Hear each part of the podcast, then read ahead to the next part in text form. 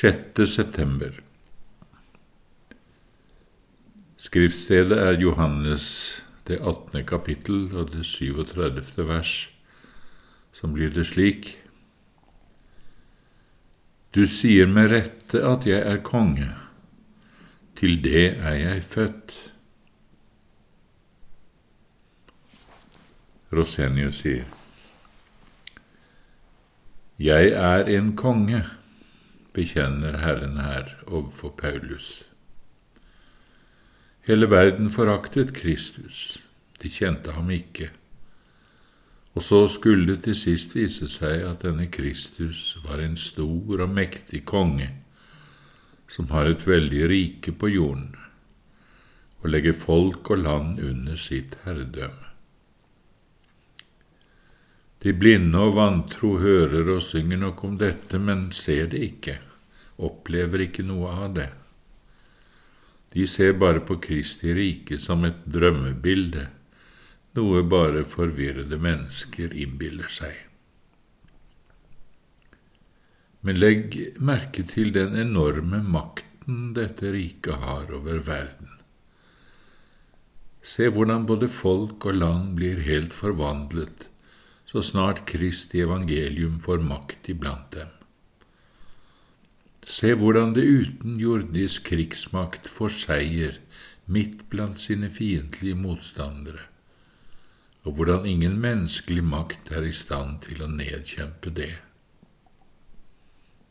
Når bare denne kongen ga sine fattige vitner dette oppdraget, gå ut i all verden og forkynn evangeliet for hele skapningen, så gikk de og spurte ingen keiser om tillatelse men trosset tvert imot alle keiseres strenge forbud og veldige motstand.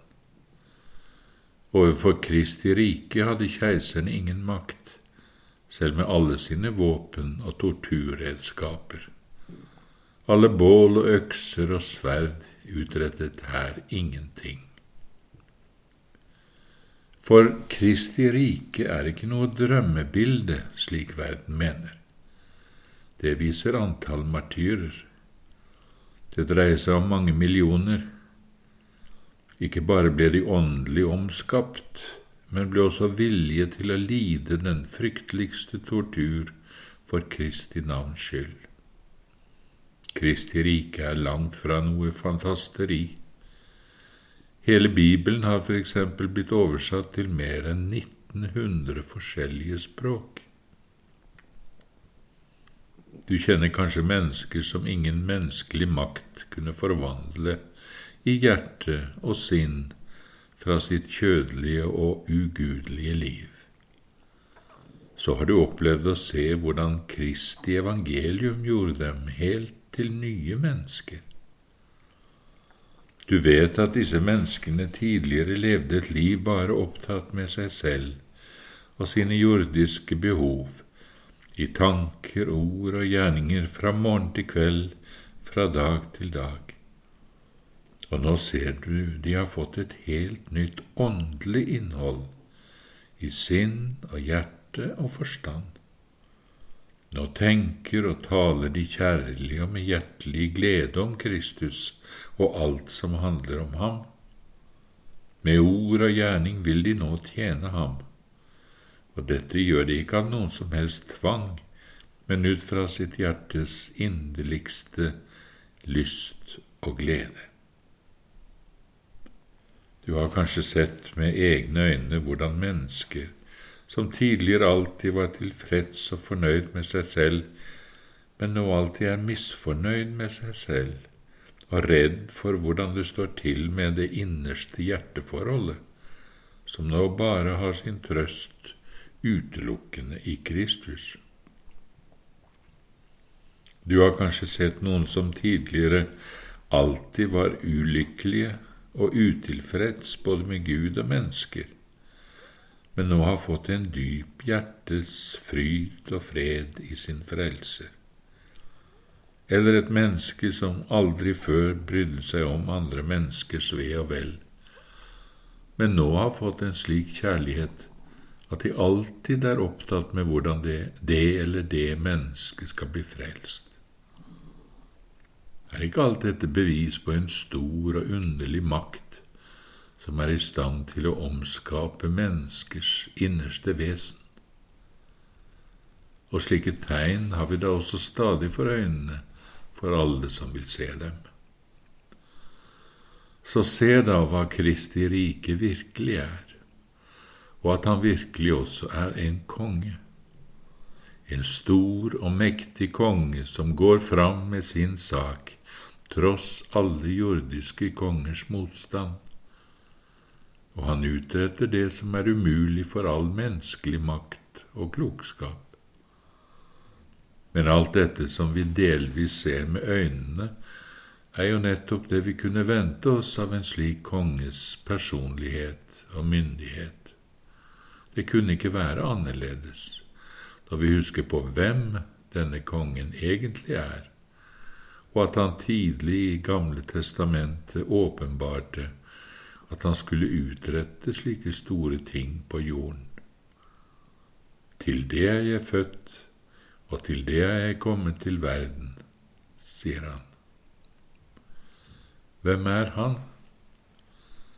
Disse ordene kommet til verden må oppfattes i den betydning de egentlig hadde i hans munn og som vi ser andre steder når han taler, for eksempel når han sier Jeg kom fra Faderen og er kommet inn i verden. Jeg forlater verden igjen og går til Faderen. I Betlehem skulle han fødes, han som hadde sin begynnelse fra fordums tid, fra evighets dager. Det er denne kongen som var hos Faderen før verden ble skapt. Og skulle ikke da denne kongen også regjere og ha et stort og mektig rike? Dette var jo forutsagt gjennom hele Det gamle testamentet. Dette sier Faderen til Sønnen, Begjær av meg, og jeg skal gi deg folkeslagene som din arv og jordens ender til din eiendom og videre. Det er for lite at du er min tjener til å reise opp igjen Jakobs stammer og føre tilbake den frelste rest av Israel. Jeg skal også gjøre deg til et lys for hedningefolkene, så du kan være min frelse til jordens ende. Hans herredømme skal bre seg vidt, og freden skal være uten ende. Slik framstilles han også i Daniels syn, først som en menneskesønn som kom i skyen. Deretter sies det om ham, ham gav han herredømme og ære og rike, så alle folk og folkestammer med alle tungemål skulle tjene ham. Hans herredømme er evig, det skal ikke forgå, og hans rike har ingen ende. Derfor skildres han også i åpenbaringsbokens nittende kapittel som en konge med mange kroner på hodet.